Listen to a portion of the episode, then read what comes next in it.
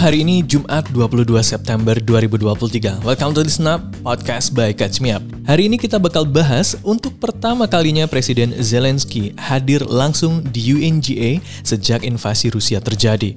Murid TPQ di Padang meninggal dunia tertimpa tembok beton saat berwudu dan beruang Alaska yang santuy nyolong donat dari truk supplier. And now, let's catch up. Jadi emang guys, September ini lagi banyak banget agenda internasional para pemimpin negara-negara di dunia. Setelah awal bulan kemarin KTT G20 udah berlangsung di India, sebelumnya lagi KTT ASEAN di Jakarta. Nah, awal pekan ini giliran sidang Majelis Umum PBB ke-78 diselenggarakan di Manhattan, New York, Amerika Serikat. Agenda yang lebih dikenal masyarakat internasional sebagai United Nations General Assembly aka UNGA ini direncanakan bakal berlangsung dari 18 hingga 26 September mendatang. Selasa kemarin itu jadi hari pertama diselenggarakannya UNGA ke-78 ini. Sidang ini dibuka langsung sama Sekretaris Jenderal PBB Antonio Guterres dalam pidato pembukanya. Guterres berfokus pada ketegangan geopolitik yang sebagian besar dipicu oleh perang di Ukraina. Lebih jauh, Sekjen PBB ini juga mengindikasikan adanya multipolar world baru yang sedang terbentuk dan makin meningkatkan ketegangan di berbagai penjuru dunia. Nah, selain Guterres, salah satu sosok yang juga stall all the highlight adalah Presiden Ukraina Volodymyr Zelensky yang untuk pertama kalinya hadir secara langsung di UNGA sejak Rusia menginvasi negaranya tahun 2022 lalu. Dalam pidatonya di hadapan para world leaders, Zelensky meminta supaya dunia internasional jangan kasih kendor ke Rusia Hal ini karena Rusia udah melakukan tindakan terorisme, genosida, dan bahkan menggunakan sumber makanan dan energi untuk bikin dunia makin kacau. Zelensky juga mention soal tindakan tentara Rusia yang menculik anak-anak Ukraina untuk dibawa ke Rusia. Lebih lanjut, Presiden Zelensky bilang seperti ini. We know the names of tens of thousands of children and have evidence on hundreds of thousands of others kidnapped by Russia in the occupied territories of Ukraine and later deported. Iya guys, emang sebenarnya tuduhan inilah yang jadi dasar Mahkamah Internasional menerbitkan perintah penangkapan untuk Putin yang bikin doi rada susah ke mana-mana sekarang ini ya. Pihak Rusia sendiri mengakui bahwa mereka emang mengamankan beberapa anak-anak Ukraina untuk kemudian diurus sama keluarga Rusia dan bahkan sampai dikasih paspor segala. Makanya menurut Zelensky, dengan segala kebiadaban ini, kalau Rusia didiamin maka bisa aja pas UNGA tahun depan kursi-kursi para delegasi itu kosong karena negaranya diserang Rusia. Dengan waktu pidato yang dibatasi hanya 15 menit, Zelensky begitu vokal menentang invasi Rusia di negaranya. Bahkan dirinya juga nggak segan memperingatkan negara-negara lain yang punya kerjasama dengan Putin bahwa itu orang bahaya banget.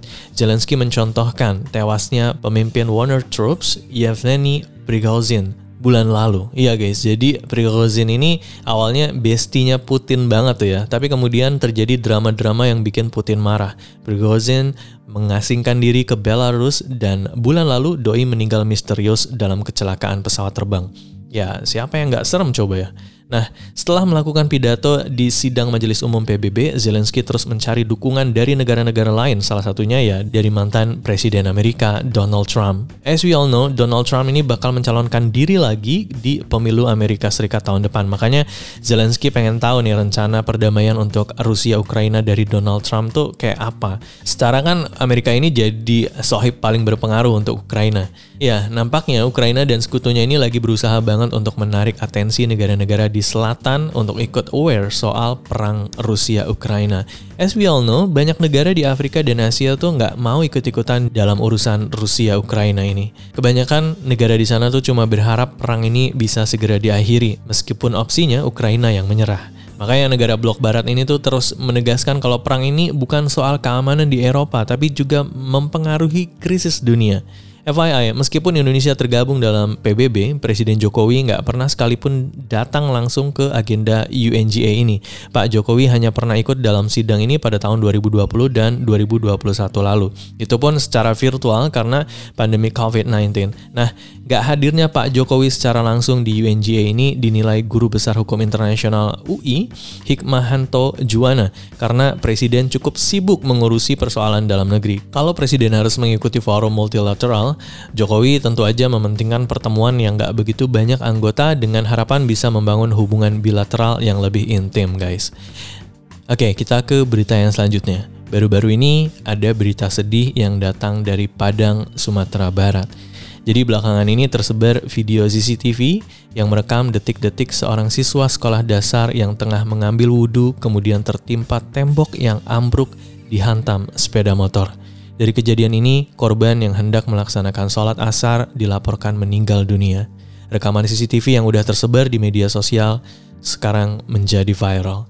Semuanya berawal pada hari Senin kemarin di Masjid Raya Lubuk Minturun, Padang, Sumatera Barat. Dalam video yang berdurasi 59 detik ini, terekam beberapa anak SD yang sedang mengambil wudhu sebelum menjalankan ibadah sholat asar. Di sisi lain tempat wudhu, terdapat dua pelajar SMP yang sedang asik bersenda gurau. Nah, nggak lama kemudian datanglah dua rekannya yang menggunakan sepeda motor dengan berboncengan. Setelah menghampiri dua rekannya, seseorang yang berada di boncengan kemudian turun untuk ikut bersenda gurau. Nah, tiba-tiba saja salah seorang pelajar SMP yang sedang mengendarai sepeda motor ini justru berlagak melakukan jumping dengan sepeda motornya. Naas, upaya freestyle ini justru nggak terkendali dan menabrak dinding tempat wudhu. Saking kerasnya tabrakan, dinding wudhu tersebut langsung ambruk dan menimpa seorang anak SD yang sedang wudhu. Ya, sedih banget pastinya ya guys. Rekannya yang mengetahui korban tertimpa dinding langsung histeris untuk mencari pertolongan. Tapi sayangnya korban yang masih berusia 8 tahun itu nggak terselamatkan. Hal ini dikonfirmasi langsung oleh Kapolsek Koto Tengah AKP Afrino selasa kemarin. Lebih lanjut, Pak Afrino mengatakan bahwa kasus ini sedang ditangani oleh Kanit Laka Polresta Padang dan masih dalam proses penyelidikan. Rabu kemarin, Kapolresta Padang, Kombes Ferry Harahap bilang kalau pelaku masih berumur 13 tahun dan masih duduk di bangku kelas 2 SMP. Pak Ferry juga bilang kalau pelaku yang berinisial MH ini melakukan aksinya dengan sengaja untuk menabrak tembok. Pasalnya, sebelum pelaku menabrak tembok, dia udah lebih dulu memarkirkan sepeda motornya. Lebih lanjut, Pak Ferry juga bilang seperti ini. Ini kan anak umur 13 tahun sedangkan undang-undang mengatur untuk SIM C atau SIM motor itu ada anak umur 17 tahun. Jadi memang ini adalah tidak berhak atau memang tidak layak untuk mengendarai sepeda motor. Untuk mempertanggungjawabkan perbuatannya, MH ditetapkan sebagai tersangka. Dia dijerat dengan pasal 359 KUHP dengan ancaman pidana penjara paling lama 5 tahun. Tapi karena status tersangka masih di bawah umur, makanya akan diterapkan sistem peradilan anak, guys. Kata Pak Ferry, MH juga udah diamankan di Polres, tapi ya tentu aja dalam pengawasan orang tuanya juga. Well, ternyata korban tertimpanya tembok wudhu ini tuh merupakan murid Taman Pendidikan Al-Quran Masjid Raya Lubuk Minturun. Hal ini dikonfirmasi oleh pengurus Masjid Raya Lubuk Minturun bernama Desriadi. Menurut keterangannya, korban sempat dilarikan ke rumah sakit Siti Rahmah sebelum akhirnya dirujuk ke RSUP M Jamil di Padang. Korban menderita luka parah di bagian kepala dan dikabarkan meninggal pukul 17 lewat 39 waktu Indonesia Barat. Oke, kita ke berita yang terakhir ya guys kudapan high calories yang kalau dimakan bikin ngerasa dosa itu ya emang enak banget sih ya. Dan kamu pasti setuju kalau ada donat di depan mata itu rasanya pengen langsung disikat aja. Nah ternyata bukan kamu aja yang suka banget sama donat, tapi beruang Alaska juga. Ya emang agak random sih ya. Tapi minggu lalu dua ekor beruang Alaska ketahuan nyolong donat langsung dari truk suppliernya. Jadi awalnya delivery truck milik uh, Krispy Kreme ini berhenti di salah satu gerainya yang ada di Alamandorf Richardson JMM, Alaska. Nah, pas delivery guy-nya nganterin supply donat ke dalam store, emang pintu truknya nggak ditutup.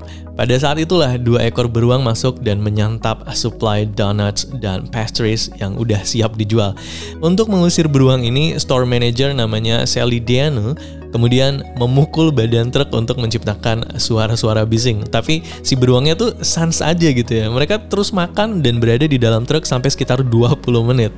Mereka eventually terus keluar gitu aja balik ke semak-semak. Kata Sally, sejak kejadian itu dia jadi selalu ngingetin delivery guy untuk menutup pintu truknya dan melakukan delivery. Literally sesudah makan pulang ya SMP nih. Oke, okay, itu dia untuk listen up episode kali ini. Sampai ketemu lagi di episode episode selanjutnya. Happy weekend!